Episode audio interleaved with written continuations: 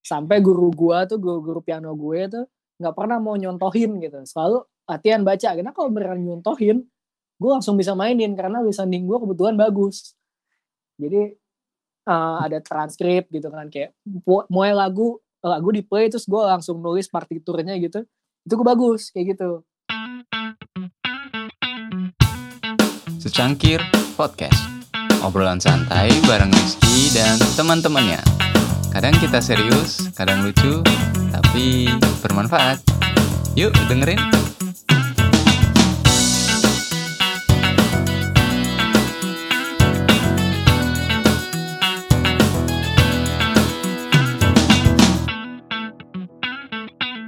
Cek, cek, cek, cek, cek, cek. Halo, selamat uh, siang, selamat pagi, atau selamat malam. Pokoknya selamat apa aja buat pendengar setia Secangkir Podcast.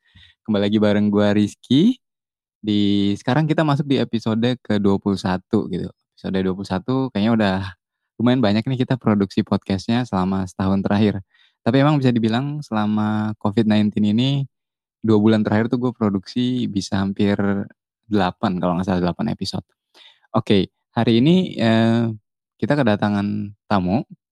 Itu teman obrolan gue hari ini namanya Ben Ata Jiwa Tampu. Jadi uh, band ini adalah salah, seorang uh, salah satu musik produser dan audio engineer. Nah, topik yang akan kita bahas itu kehidupan seorang uh, produser musik gitu.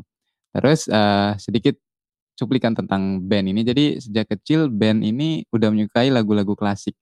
Jadi ketika dia berusia 4 tahun, dia mempelajari piano dengan aliran klasik. Terus ketika dia duduk di bangku SMA, dia mempunyai sebuah band alirannya itu kalau nggak salah aliran metal gitu. Terus setelah dia lulus, dia mengembangkan ilmunya tentang musik producing ini di salah satu institut elit di Jakarta. Ya, kayaknya bisa aja gitu lu tau lah gitu pada kalau tahu musik gitu dan lain sebagainya belajar audio engineering gitu. Nah, sekarang uh, si Ben ini udah jadi musik produser dan dia pernah dua kali masuk uh, nomine di uh, TV komposer gitu. Wah, dia udah profesional banget lah gitu di soal dunia musik ini. Nah, uh, biar lebih enak, Kayaknya Ben udah hadir di Cangkir Podcast hari ini. Yo, Halo. Halo Ben. Yo, what's good man? Oke, okay, thank you banget nih udah mampir di Secangkir Podcast, Ben. Yeah, itu ini wah suatu thank kehormatan banget buat kita gitu kedatangan seorang produser musik gitu. Thank you juga nih udah di udah dicolek-colek nih, gila. Siap gitu. Jadi gue kasih tahu dulu buat Ben nanti kalau uh, pendengar kita secangkir podcast kita biasa nyebutnya sekpot gitu. Jadi mayoritas mereka uh, dengarkan kita di lewat perangkat handphonenya, di Apple Podcast, di Spotify gitu. Hmm, nah, okay. buat sekpot, jadi mungkin kalian penasaran nih obrolan kita, kehidupannya Ben kayak gimana sebagai seorang produser musik. Baik kita mulai nanya-nanya aja. Uh, ben udah siap kan kita ngobrol gitu, santai oh, aja biasa. Santai. Yuk. Oke, okay, uh, eh, bisa kenalin diri lu dulu nggak gitu, ceritain sedikit tentang uh, band Ata gitu dari sisi lu sendiri. Ah, uh, gue seorang ya bener sih yang ada di situ tulisannya ya, musik produser, audio engineer, terus tadi briefnya ada summary ya tentang latar belakang gue dikit-dikit ya soal kayak yeah. ya gue belajar awalnya belajar ya basic gue dari piano sih memang betul tadi terus um, ya dulu strict lah strict to the rules gitu. Gue main piano klasik terus ya makin lama yang gede ya namanya anak muda kan band kan. Hmm, iya betul. Iya terus ya udah terus gue baru belajar uh, recording terus belajar music production gitu ya sekitar kurang lebih sih umur umur 15-an 15 16 terus kuliah di jurusan yang kebetulan juga sama sesuai passion. Terus ya udah akhirnya sekarang sih ya um, karir di bidang produser, uh, eh sorry producing, composing buat TV iklan, digital, um, series gitu-gitu sih. Oke, okay, menarik. Sebelum gue bahas lebih lanjut tentang karir lu di bidang musik ini, itu lu dulu pernah kepikiran cita-citanya emang jadi musik produser apa punya cita-cita lain gitu? Karena waktu kecil biasanya cita-cita uh, yang kita punya kalau nggak dokter, presiden gitu. Iya, iya, iya waktu gue SD gue kelas berapa ya? Lupa gue kalau nggak salah kelas 2 kelas 3 gitu. Uh-uh. dari kelas 1 sih dari kelas 1 sampai kelas 3 SD itu kalau ditanya mau jadi apa gue mau jadi pembalap MotoGP cow itu random banget. Orang pada pengen jadi dokter pengen jadi pilot segala macem. Gue kalau ditanyain cita-cita mau jadi apa? Gue jadi pembalap. Pembalap apa? Pembalap MotoGP gitu. Terus ya gitu biasa anak kecil banyak mau gitu kan. ya tapi ini sedikit aneh sih ini kenapa lu milih mot, uh, pembalap MotoGP? Apakah dulu waktu itu ada mungkin CT mungkin zaman lu kayaknya CT Gibernau Marco Melandri yeah. belum Valentino Rossi ya? Iya ya Valentino Rossi juga udah sih cuma gue dulu emang su ya CT Gibernau gue suka terus um, sebenarnya gue nggak begitu terlalu ngikutin sih pada zaman itu kan sesekali aja sih. Gue tuh sebenarnya lebih lebih sering ngikutin zaman zaman sejak ya udah Casey Stoner gitu sih. Huh? gitu. cuma zaman zaman Casey Stoner tuh gue udah mulai ngikutin MotoGP. Cuma nggak tahu kenapa um, kayaknya keren ya gitu bisa naik motor balapan naik motor. Gara-gara gue nggak boleh nggak boleh ya masih kecil juga kan ya. Kayak dulu nyokap gue tuh kayak naik motor bahaya apa segala macem. Tapi di sisi lain bokap gue nonton MotoGP mulu gitu sama F1 gitu kan ya udah jadi gue cita-citanya kayak gitu aja kalau ditanya guru di sekolah asal bunyi aja gitu yang lain basi gitu gue mau jadi dokter gue mau jadi polisi gitu gue mau jadi pembalap gitu ya berarti kalau zamannya Casey Stoner berarti kalau nggak salah 2007 kan dia menang uh, championship itu 2007 pertama gitu. Ya, dari dari Ducati ya. Ya, ya bisa bilang kita seumuran lah gitu tahu-tahu gitu. Belum tua-tua amat lah ya. Iya nggak tua-tua amat lah. Oke. Okay. Oke, okay, terus uh, lu terjun langsung di dunia musik itu apakah setelah lulus SMA apa gimana dulu? Emang langsung um, kecimpung sebelumnya apakah jadi freelance dulu? Apa gimana lu dapat project? Sebenarnya gue dari kecil, dari gue SD itu kan gue ikut akademi musik ya di ya musik klasik gitu. Nggak cuma nggak cuma yang kayak les les kayak setengah jam satu jam se seminggu sekali gitu sih yang ikut kelas proper ada teori segala macam gitu Terus ketika usia gue kurang lebih SD kelas 4 tuh umur berapa? 4 ya? kelas 5 gitu. Itu gue mulai uh, main-main orkes. Sorry, gue kelas 3 SD gue belajar main biola di situ. Gue tuh sering diajakin nyokap gue untuk nonton-nonton konser-konser orkestra gitu. Um, yang klasik maupun yang kontemporer ya. Terus gue yeah. tertarik gitu buat main kayak pengen main biola, main violin gitu. Nah, di sini nyokap gue agak-agak agak-agak nggak yakin gitu kan. Takutnya kayak pengen-pengen doang terus nanti bosen atau lah kayak gitulah gitu. akhirnya yeah. gue dibe dibeliin vio uh, eh, gue boleh dibolehin les biola terus um, dengan dengan biola yang murah tuh waktu itu harganya cuma berapa? Merek Cina lupa gue tiga ratus ribu kalau selalu dapet biola. Terus gue belajar terus ternyata rutin gitu dan lumayan cepet gitu. Orang rata-rata kayak setiap enam bulan ujian gue tuh enam bulan ujian tapi gue loncat grade gitu kayak Axel gitu lah ya udah terus akhirnya gue mulai main-main di pop main kontemporer gitu. um, which is susah banget gitu kan dari gue basicnya gue main klasik yang wah harus baca gitu. Tanda bacanya harus harus diikutin kalau misalkan eh, nggak uh, sama salah gitu. Nilainya kurang. Karena nomor jarinya tiga ya harus baca eh, harus pencet pakai jari nomor tiga. Crescendo descrescendo segala macam anak klasik banget terus gue mulai ke main pop gitu. Karena waktu itu gue ngiring-ngiringin kayak um, siapa aja banyak sih ya kayak penyanyi-penyanyi yang lumayan agak agak-agak lawas tuh kayak zaman-zaman 2000. Gue lupa sih siapa aja. Gue sempat ngiringin kayak um, Chris Dayanti gitu-gitu lah. Terus main di TV gitu kan. Main hmm. di pernah main di Indosiar, main di RCTI gitu-gitu lah. Itu gue mulai kelas kelas 5 lah kalau nggak salah. Ya mulai kelas 5 tuh main-main gitu. Nah itu di situ berarti bisa dibilang pertama kali gue ngasilin duit di musik lah gitu. Mudah banget ya. gitu. Iya, masih SD gitu kan. Terus ya udah makin lama makin lama terus SMP itu gue daftar di Purwacaraka ini, Purwacaraka Orkestra. Dia bikin audisi gitu 20 untuk 20 tahun sekolah musiknya dia kalau nggak salah. Dia bikin audisi 50 orang se-Indonesia. Itu dulu audisinya malah latihannya di BSD. Zaman itu BSD itu tahun berapa ya? Tahun 2006 kalau nggak salah. Iya tahun 2006 tahun 2006 hmm. itu BSD masih sawah cuy. Iya yeah, yeah, masih masih gitu banget lah gitu. masih masih sawah masih sepi banget. Tempat buang anak lah orang bilang dulu yeah, kan. tempat tempat buang anak. Itu jamet jamet naik Nio Ceper belum ada di situ. Gila men. Itu latihan gue di situ di pusatnya tuh latihan gue seminggu tuh dua kali. Ya hari Selasa sama Kamis gue latihan di sana. Terus mainnya tuh di Balai Sarbini mainnya di um, tim Taman Ismail Marzuki gitu-gitu. Nah itu gue main orkestra eh, SMP lah ya. Terus baru udah tuh sekitar gue lupa gue main berapa lama sekitar dua tahunan lah dua tahun baru bisa gue mulai mulai ngeband ngeband ngeband. Ya biasa lah anak bandel sih mainnya Green Day Blink 182 gitu gak sih? Iya betul. Iya main gitu terus baru main-main metal segala macam metal ya? Iya, yeah, Slipknot, System of Down, Lamb of God gitu itu dari tahun-tahun 2008 2009 lah itu. Zaman-zaman itu. Imo-imo juga gue mainin, gue dengerin. Main-main di gig-gig gitu-gitu terus masuk ke recording, masuk ke recording baru ke producing ya sampai sekarang sih gitu. Oke, gue penasaran sama ketika lu pertama uh, terjun gitu ya di lu lu udah tahu ini jadi bisnis lah, ini industri kreatif gitu kan. Hmm. Cara lu nentuin harga pertama kali itu gimana sih dulu? Wah ngomongin harga mas sedih pak kok zaman dulu. ya tapi cara lu, lu pasti punya cara sendiri kan gitu kan? Iya kalau cara gue sorry sebentar. Kalau cara gue sih sebenarnya gue kan awalnya kan dari indie ya bisa dibilang ya. Mm. Independent label gitu ya harga gimana ya susah juga sih nentuin ya sebenarnya kalau zaman kalau gitu ya nggak masalah juga gitu kan nanti suka ngasih harga sekian ah mahal amat gitu Iya. Iya gitu lah, ngerti lah kayak gitu lah.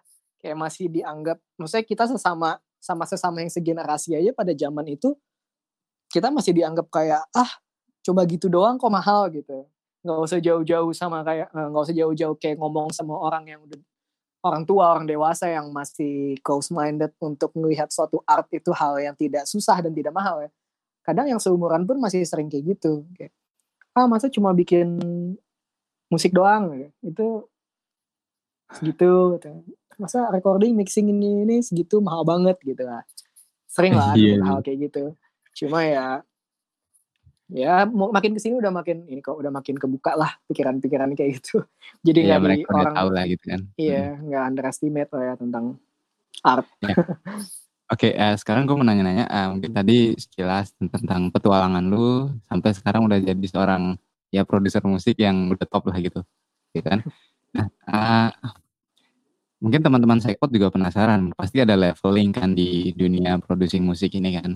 Misal hmm. proses-prosesnya mulai dari uh, mungkin composing dulu atau ada mixing dulu, apa editing. Tapi yang benar tuh kayak gimana sih biar teman-teman Sekpot ini jadi tahu gitu?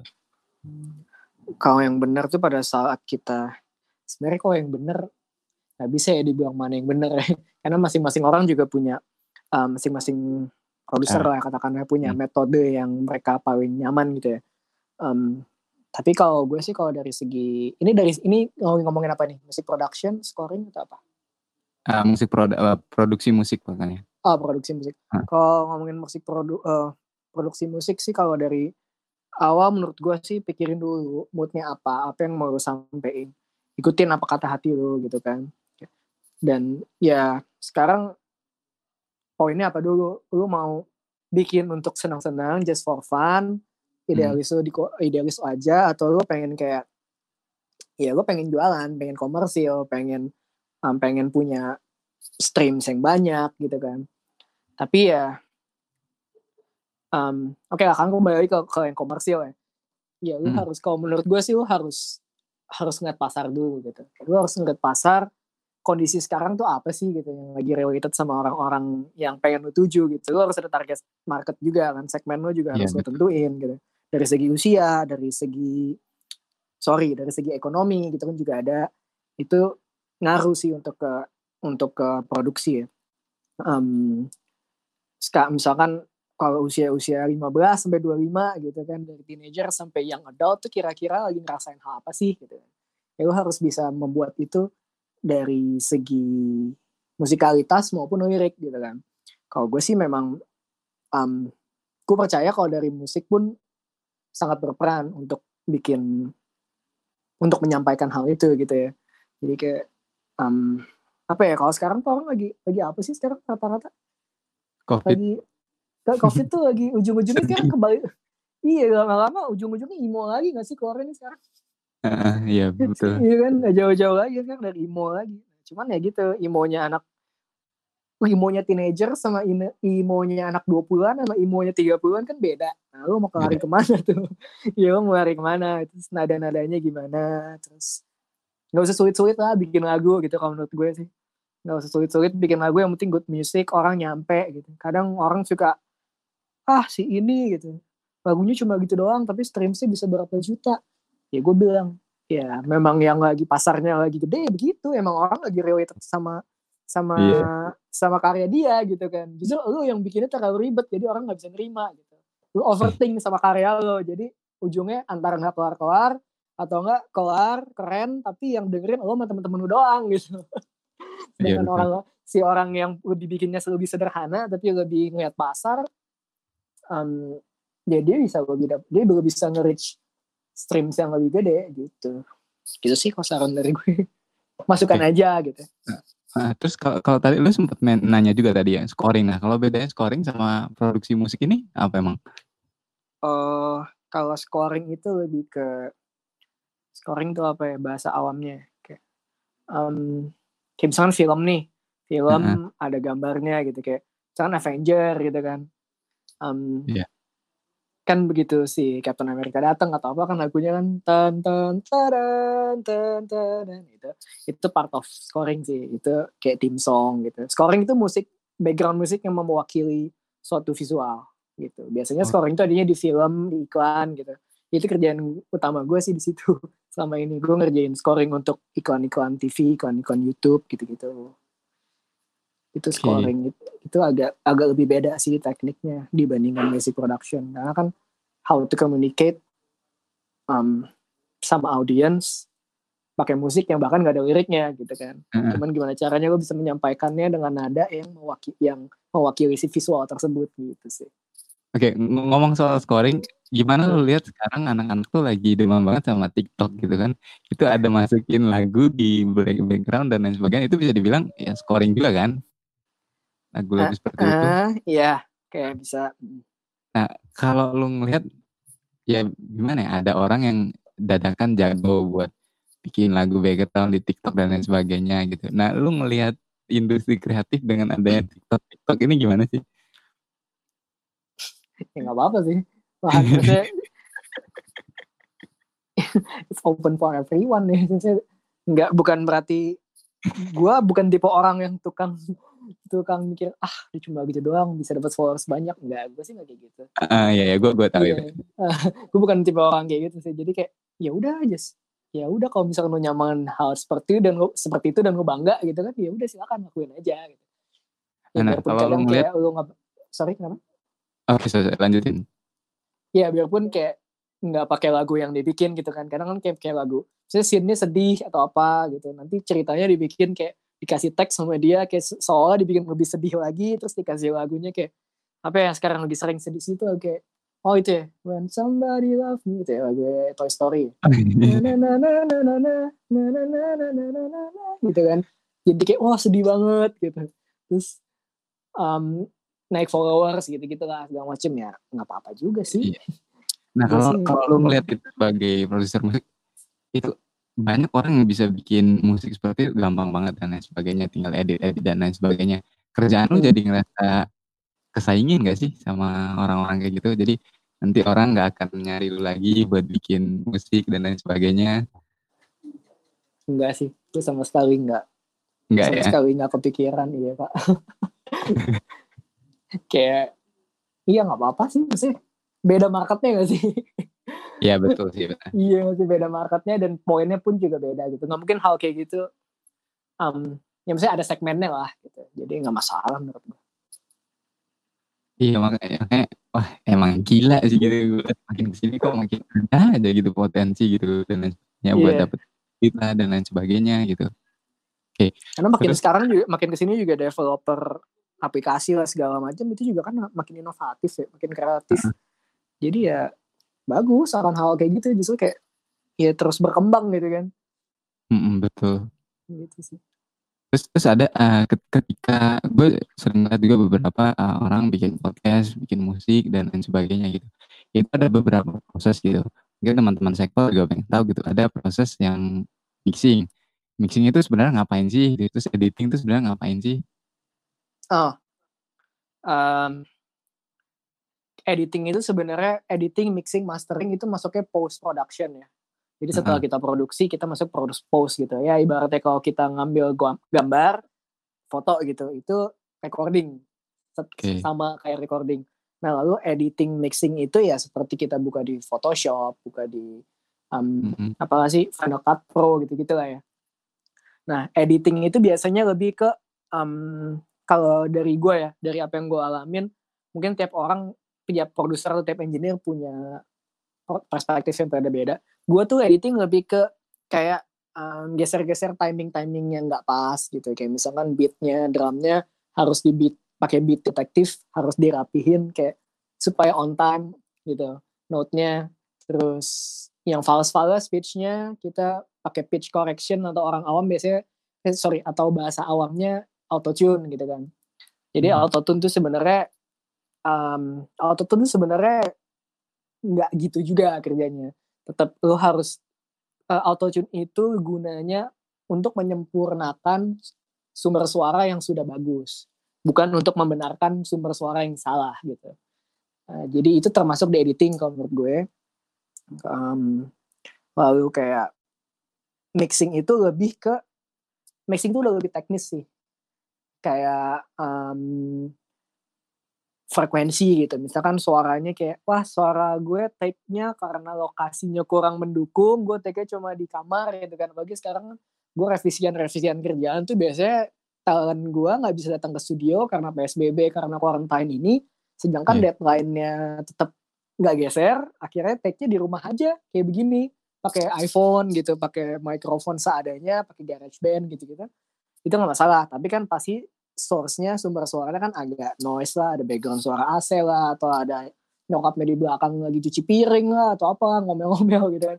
Nah itu mixing gimana caranya gue harus nyari frekuensinya. Gue cut gue gue buang frekuensi yang yang Nggak tidak perlu. yang yang ngeganggu gitu kan.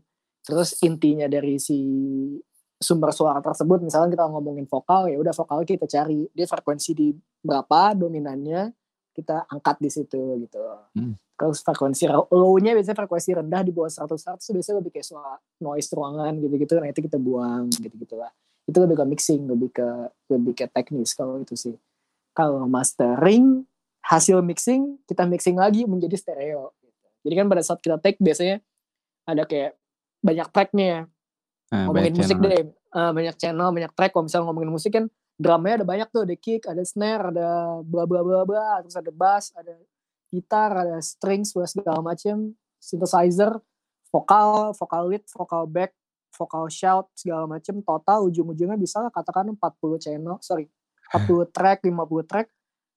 Ketika udah dikerjain mixing tadi, udah jadi enak, lalu kita keluarin jadi stereo left dan right. Nah itu kita mixing lagi, kita balance sampai hasil um, hasil yang maksimal gitu. Gila sih gitu. Lu, lu bisa lu bisa dengerin berarti sampai 50 instrumen gitu beda-beda gitu sampai nyesuaiin nada dan lain sebagainya. Ya iya. emang yeah. kerjaan musik bisa bilang gila banget sih ini.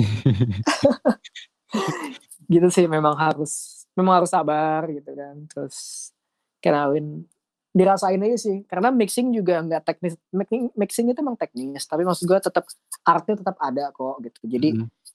Jangan terlalu dianggap ah mixing tuh nggak seru terlalu teknis lebih seru bikin lagu. Ya itu mah menurut gue penilaian subjektif sih. Karena iya. nggak yeah. bisa dibilang gitu juga gitu. Karena gue sendiri juga passion gue lebih ke produksi musik lebih ke produksi lebih ke kompos gitu sih. Cuma ya intinya semuanya pasti cari aja lah. Menariknya pasti ada kok. Terus sering ngeganggu nggak sih, eh, tergantung misal mood lu lagi nggak bagus gitu, itu ngeganggu nggak banget nggak sih hasil dari musik yang lo bikin tuh? Iya, itu ngaruh, secara psikologis ngaruh. Um, lagi sebenarnya mood kayaknya nggak begitu sih kalau mood ya.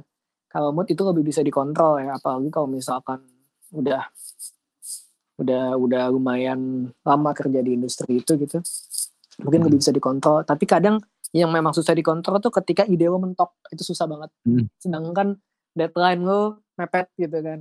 Dapat kerjaan masuk tak gitu. Oh ini kita previewnya dua hari lagi ya. Uh, karena udah mau mesti tayang di YouTube tiga hari lagi gitu. Atau enggak intinya final approvalnya dikit eh mepet gitu kan. Tapi otak lu lagi capek lagi mentok atau enggak lu baru banget selesai ngerjain hal lain sorry kerjaan lain project lain yang dalam hitungan jam doang sebelumnya lu baru selesaiin dan itu stylenya atau genrenya sangat berubah jauh gitu. Itu susah tuh yang kayak gitu tuh. Itu Iya. soalnya kreativitas tuh suka nggak ada nilainya kan. Misalnya nggak ada nilai takarnya kayak harus begini harus nggak, itu bukan exact kan bukan exact teori kayak matematika gitu kan. Jadi kalau misalkan lu udah mentok ya udah pak. Mau gimana pun ya udah jangan dipaksa lu sih diem dulu chill dulu ngapain kayak ngopi dulu kayak main FIFA dulu kayak harus kayak gitu sih. Iya bener sih. iya harus kayak gitu Nah, eh, terus menurut lu orang kalau mau terjun ke dunia musik itu itu harus punya bakat atau eh, ya bi- bisalah diasah gitu kemampuannya gitu. Kalau ingin masuk ke musik ini. Jadi buat Ah. teman-teman sekot yang mungkin nggak ada bakat sama sekali gitu, mungkin minder gitu, wah gue nggak punya bakat mau masuk ke musik berarti nggak bisa nih gitu. nggak tahu ya Nah. kalau gue sih I don't believe in talent sih kalau gue I believe in hard work soalnya soalnya ya oke lah kalau misalkan bilang ah lu talented tuh punya talent. Ya mungkin gue punya. Mm-mm. beberapa persen lah 25 persen lah. Tapi 75 persennya tetap ke hard work sih. Jadi menurut gue nggak usah mikirin kayak ah gue udah tua. Gue nggak Iya, pengen banget belajar main piano. Tapi umur gue udah 20 lebih gitu 25 ada yang udah 30 35 gue kayaknya nggak bisa udah ketuaan. Enggak lah men. Pasti kayak gitu lah. Gini Heeh, sih kayak banyak orang kuliah S1 umurnya udah 40 tuh banyak. Orang pakai C umurnya udah 50 tuh banyak. Pinter-pinter aja gitu kan. Ilmu gak kenal usia sih kalau menurut gue. Ikutin Iya, aja apa yang lo mau. Hmm. Yang penting kerja keras udah, kerja keras. Yang penting kerja keras. Tadi lu ngomong hard work gitu. Pasti lu punya eh, smart work juga lah gitu. Lu biasanya iya. bikin framework gitu nggak sih? Jadi untuk mempercepat produksi musik lu? gue lebih bikin ke template gitu sih biasanya. Kayak Iya, di session gue, gue kan DAW gue kan gue pakai Logic Pro ya kebetulan. Gue lebih pakai, gue pakai ini, um, bikin gue bikin template sendiri gitu. Biasanya genre apa,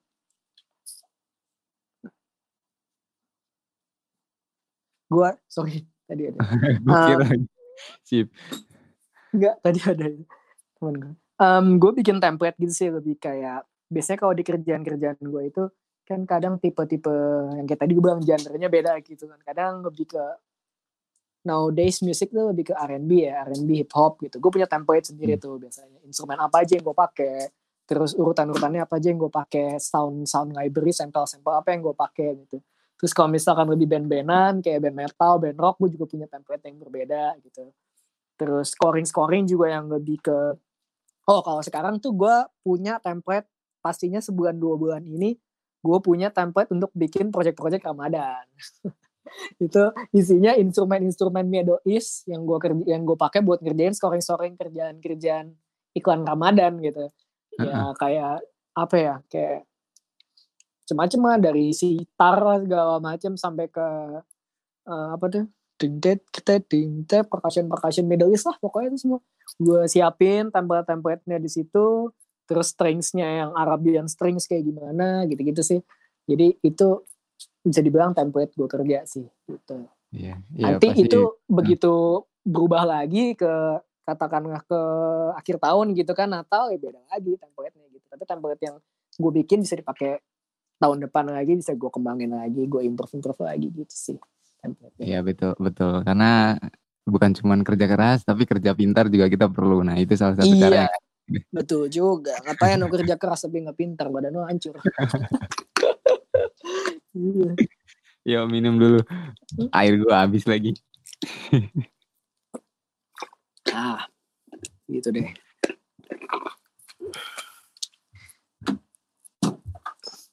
Oke, Oke ya Kita- kita lanjut. ya, yuk. Terus eh, selama ini karya lu yang paling lu anggap memorable tuh apa sih? Salah satu karya lu mungkin itu wah ini karya gue paling bagus dipakai sama si ini si itu gitu. Eh, yang mana ya? Um, gue kalau misalkan ngomongin karya gue kan sebenarnya ada dua industri yang berbeda nih. Sama-sama Hmm. industri, sorry.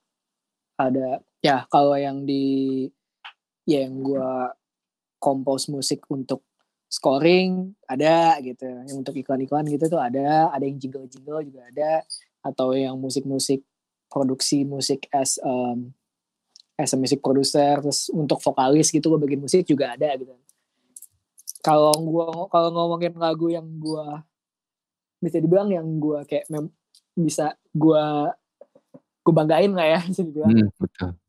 gue punya project gue pernah punya project tuh tahun 2017 itu sama temen gue duo duo gitu R&B duo R&B gitu R&B pop lah bisa dibilang. Um, namanya Novocaine itu gue rilis EP isinya lima lagu dan gue senang sama semua lagunya. Isi gue puas gue bang oh ya gue proud gitu akan karya gue berdua. Gak berdua doang sih banyak orang yang kayak teman-teman gue yang support gue tuh banyak di situ yang bikin yang inspired gue maupun temen gue partner gue yang sekarang solo dan gue pun masih bantu produce dia dan mixing mastering lagu dia. Shout out to K Oscar.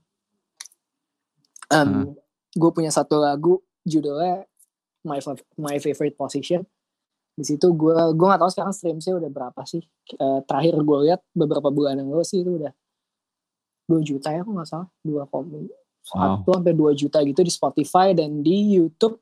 Terakhir gue lihat udah 500 ribu um, atau mungkin udah Gila. lebih udah lama gitu. Eh, dan itu lagu itu masuk ke soundtrack film teman tapi menikah di tahun 2018 apa 19 ya kalau nggak 18 19 lah gitu ya seneng aja sih punya karya Iya. yang kayak kayak kayak mau gimana pun lo kalau berkarya kayak gitu kan lo kayak sebanyak maksudnya um, ya sebanyak banyak semakin banyak stream semakin banyak orang tahu sama karya lo kan lo senang Betul. gitu sih iya gitu Iya. salah satu yang bisa disebutin itu itu kan karya-karyanya wah udah sampai 2 juta. Gila. Iya gitu deh Nah, ini ada pertanyaan nih dari Imam. Kayaknya lu kenal juga.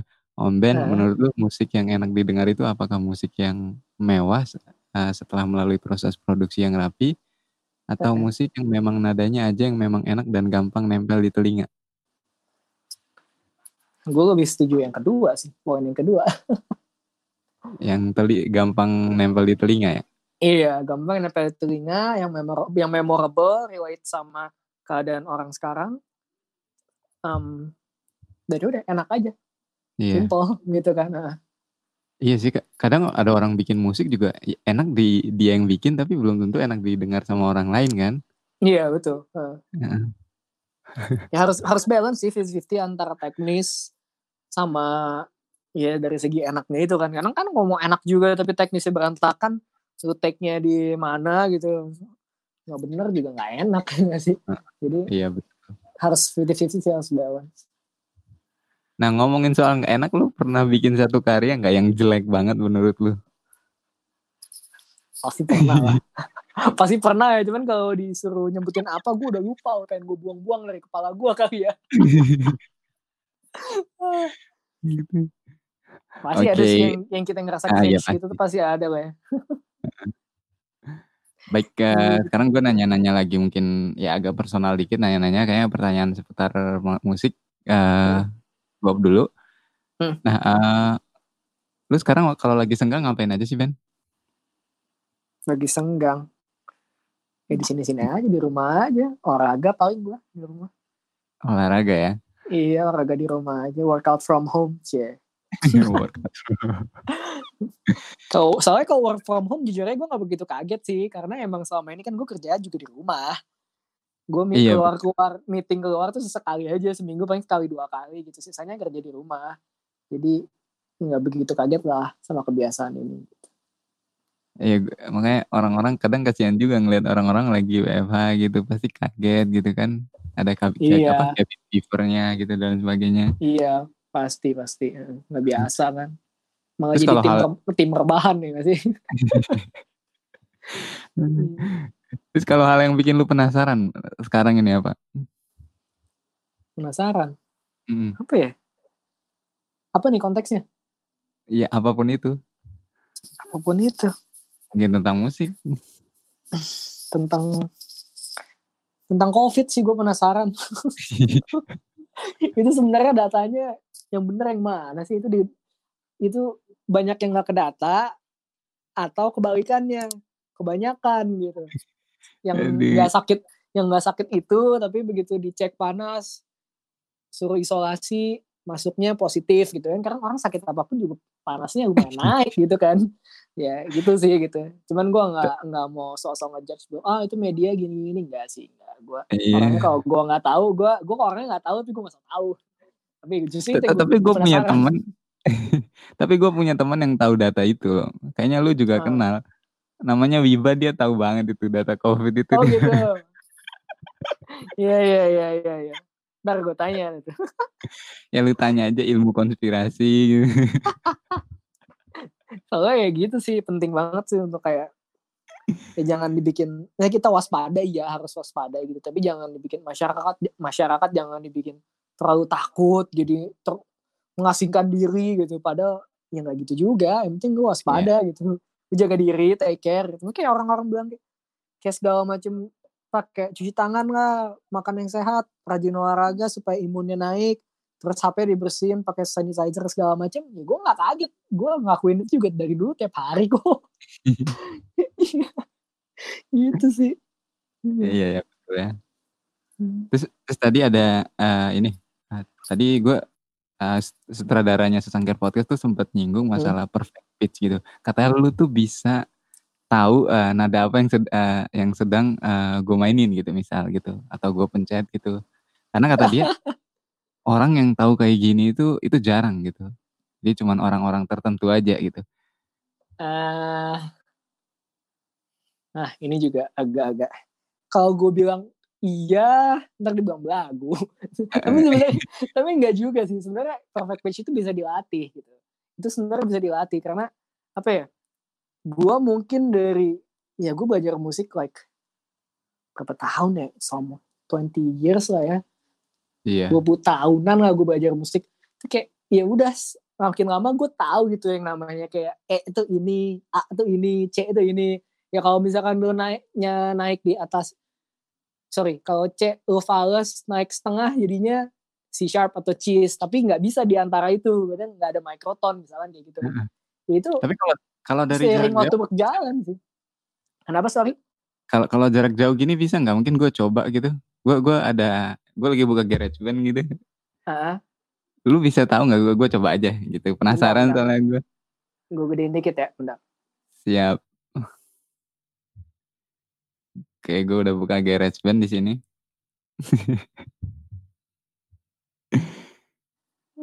ya.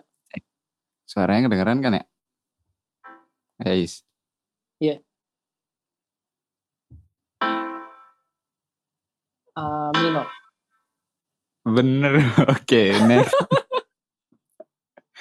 Oke. Okay. G, G Iya, bener. Gila. Oke. okay. Oke, okay, lagi. F mayor. Iya, F. Sekali lagi deh gue.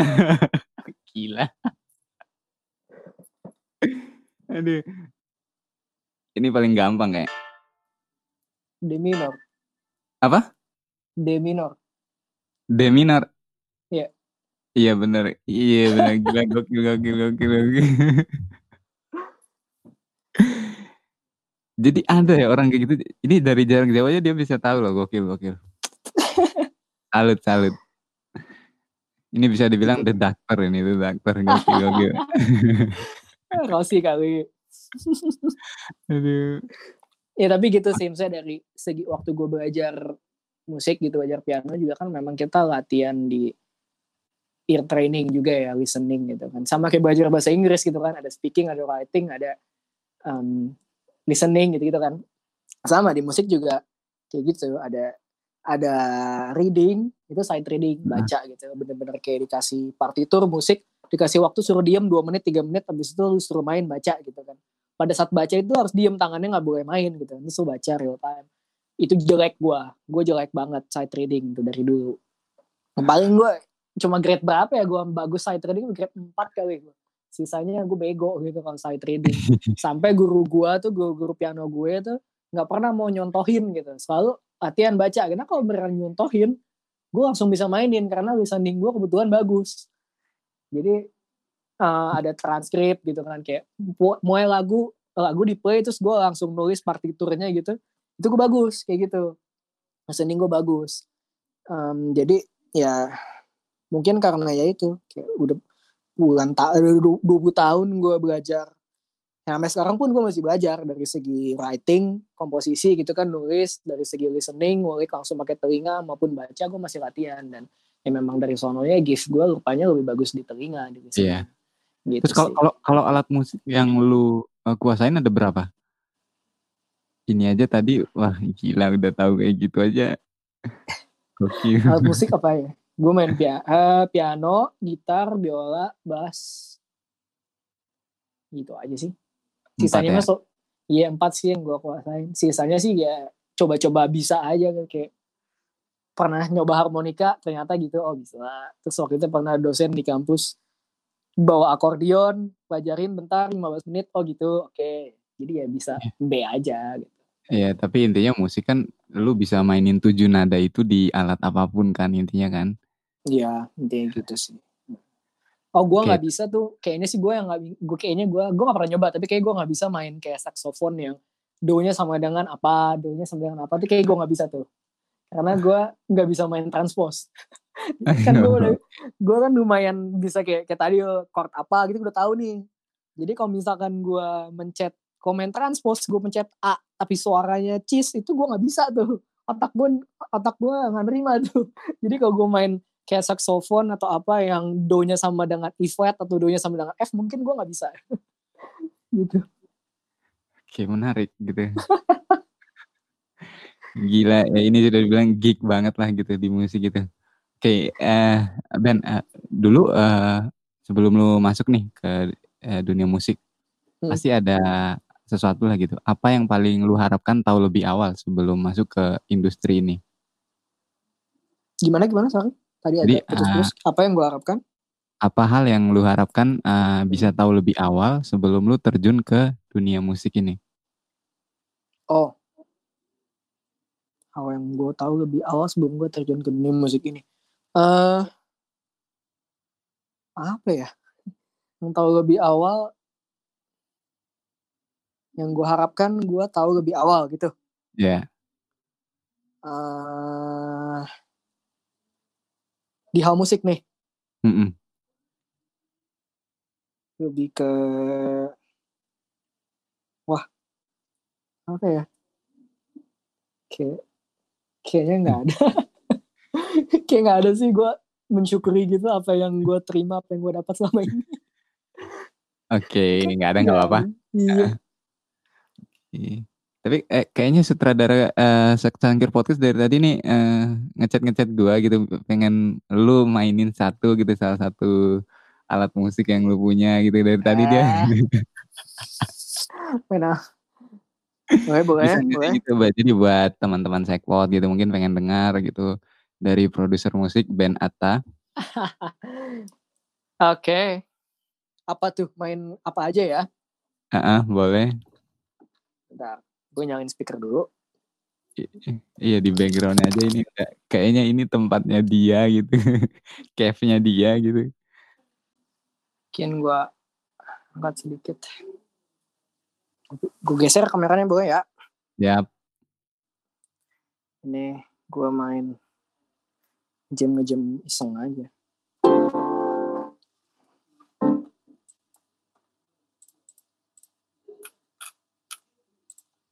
you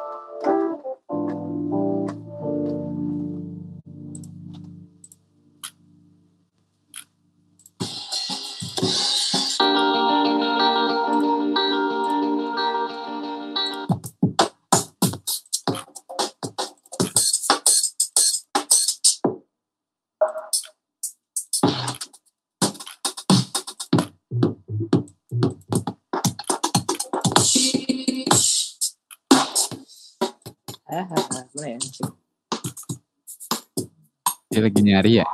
Gue nyari loop-loop yang Siap. Uh, eh, kecil dan mbak.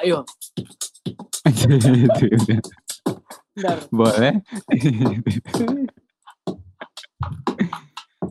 Gila direkturnya baik banget nih. Ini kenapa heboh-heboh semua sih nggak ada yang chill?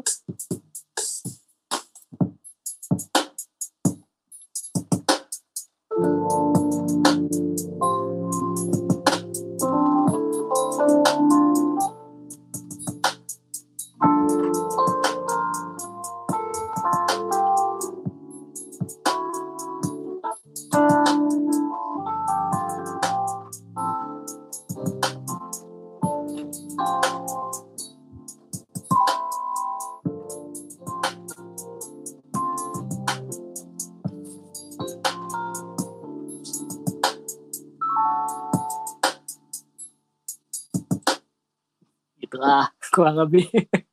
Siap, thank you Ben. Iya, Kayaknya ta- tangannya lemes banget ya. gitu deh kayak yang keluar di kepala aja langsung gue main. Siap, gitu. Thank you banget sudah ya sama-sama. ngasih satu lagu buat pendengar Sekpot. Oke, eh, ini pertanyaan terakhir dari gue sebelum eh, kita masuk. Biasanya kita ada kuis nanti di tiga pertanyaan iseng aja gitu. Oke, pertanyaannya yang terakhir dari gue, ada hal nggak yang belum kita tanyakan, tapi harusnya ditanyakan nih di podcast kali ini? Eh, apa ya? Hal yang belum kayak belum dimention gitu ya. Ya belum gue tanyakan, tapi Ah, harusnya gue tanyain ke lu gitu. Apa ya? Eh, itu sih kalau dari gue sih kayak kadang orang kan suka eh tadi sempat di kayaknya lo sempat bahas ya. Gue lupa gue lupa. Eh, musik tuh tadi kan gue bilang kayak gue udah telat gak sih kalau misalkan belajar musik gitu-gitu kan tadi Mm, ada kan. iya. menurut gue kan nggak ada nggak ada nggak ada hal nggak ada maksudnya ilmu tuh nggak kena usia menurut gue kan. Santai eh, selagi lo masih passion lo hati lo mengatakan I want to do that I want to learn that ya udah lakukan gitu. Cuma jangan juga terlalu menganggap itu remeh jadi kayak Hmm. dikit-dikit kayak ah udah santai aja. Nanti bisa diedit. Eh, cari engineer yang bagus cari engineer yang jago cari produser yang jago. Em, kembali lagi sekarang kalau gue nggak bisa kan kayak maksudnya kembali lagi ke skill kembali ke talent gitu kan ke performer. Jadi jangan engineer itu bukan tukang sulap. Jadi Mm, kalau misalkan ada pesan sedikit dari gue ya itu sih misalnya um, lu mau belajar suatu hal yang baru silakan dengan dengan dengan senang hati gitu. Terus pasti teman-teman sekitar lo seba- sebisa mungkin dukung support gitu. Cuman jangan menganggap remeh juga jangan dianggap oh yaudah gue belajar setengah-setengah aja basic-basic aja se- seadanya aja. Toh ada autotune. Toh Iya, ada iya. quantize time-nya nanti tempo gue yang berantakan bisa digeser-geser gitu. Atau ada transpose main di C aja nanti gue ubah jadi ke Fizz gitu enggak gitu sih bro. Jangan gitu. Gitu sih menurut gue. Kalau lu udah nggak bisa main di Fizz ya udah main di C aja. Nggak apa-apa. Emang main di C kenapa sih? Nggak Iya. masalah kok gitu. Saya hal kayak gitu. Jadi um, saran gue sih gitu sih. Jangan underestimate suatu karya terutama musik ya kalau sekarang gue ngomong Hmm, Oke siap. Gitu sih. mantap. Itu kayaknya belum gue tanyain juga tadi. Iya. Eh, kita masuk ke tiga pertanyaan pamungkasnya Sangkir Podcast. Sekarang Hmm. ya lu harus jawab benar atau salah, yang penting lu bisa jawab aja gitu. Yang pertama Hmm. ada orang nggak tahu warna sama sekali, nggak tahu warna pokoknya nggak tahu warna. buta warna Ya bisa dibilang gitu Hmm. gitu. Nggak tahu warna, gimana cara lu ngejelasin warna biru ke dia? gimana cara nunjukin warna biru gue ambil jelasin sekitar yang warnanya biru Enggak, lu jelasin, lu nggak boleh nunjukin warnanya, lu jelasin oh ke dia. bener-bener cara lisan gitu ya? Biru. Wah. Langit. Langit. iya padahal malam ya. Nggak bisa juga kayak gitu. Aduh. Biru apa ya? Eh ya biru ya bisa sih. Langit langit langit siang gitu Tapi kan dia nggak bisa, nggak pernah ngeliat langit siang. masa dia nggak pernah ngeliat langit Ya anggapannya mungkin tadi dia nggak ngeliat, nggak lihat sama sekali selama ini. biru Apa ya? Kok gue sih gitu, yang keluar dari kepala gue sih kayak gitu. Jarang doang. apa ya? Mungkin pakai rasa lu bisa coba pakai rasa. Bagaikan langit berwarna biru kan gitu katanya. ya kan? Ini, ini dari 21 episode itu cuman satu dua orang yang jawabnya ya bisa dibilang benar gitu. Emang apa tuh jawaban itu? Jadi eh, biasanya eh, yang jawabannya itu pakai rasa gitu. Pakai rasa. Kemarin ada yang jawab, lalu orang paling nyaman eh, yang lu rasain itu siapa? Eh, cewek gitu, dekat cewek gitu. Nah itu warna biru dia jelasin kayak gitu gitu. Bisa Korelasi dibilang kalau cewek. mau jelasin ke orang yang nggak bisa ngelihat itu pakai rasa, Ah, ya kan? Setuju kan? Oke. Coba lu jelasin Ah, warna merah gitu, panas. ah. Nah, kalau merah panas, kalau biru gimana? Biru. Emang biru apa artinya? Mungkin lembut. Lembut. Oke, Setuju nggak kalau biru itu lembut? biru itu lembut. Gue sih nggak berasa ter- nggak tidak terlalu merasa seperti itu. Kalau merah panas berani gitu, oke, gue masih dapat. Biru itu lembut ya? Iya bisa dibilang lembut. Gitu. Oh, oke. Ah. Berarti kamus baru gue. Biru lembut ya?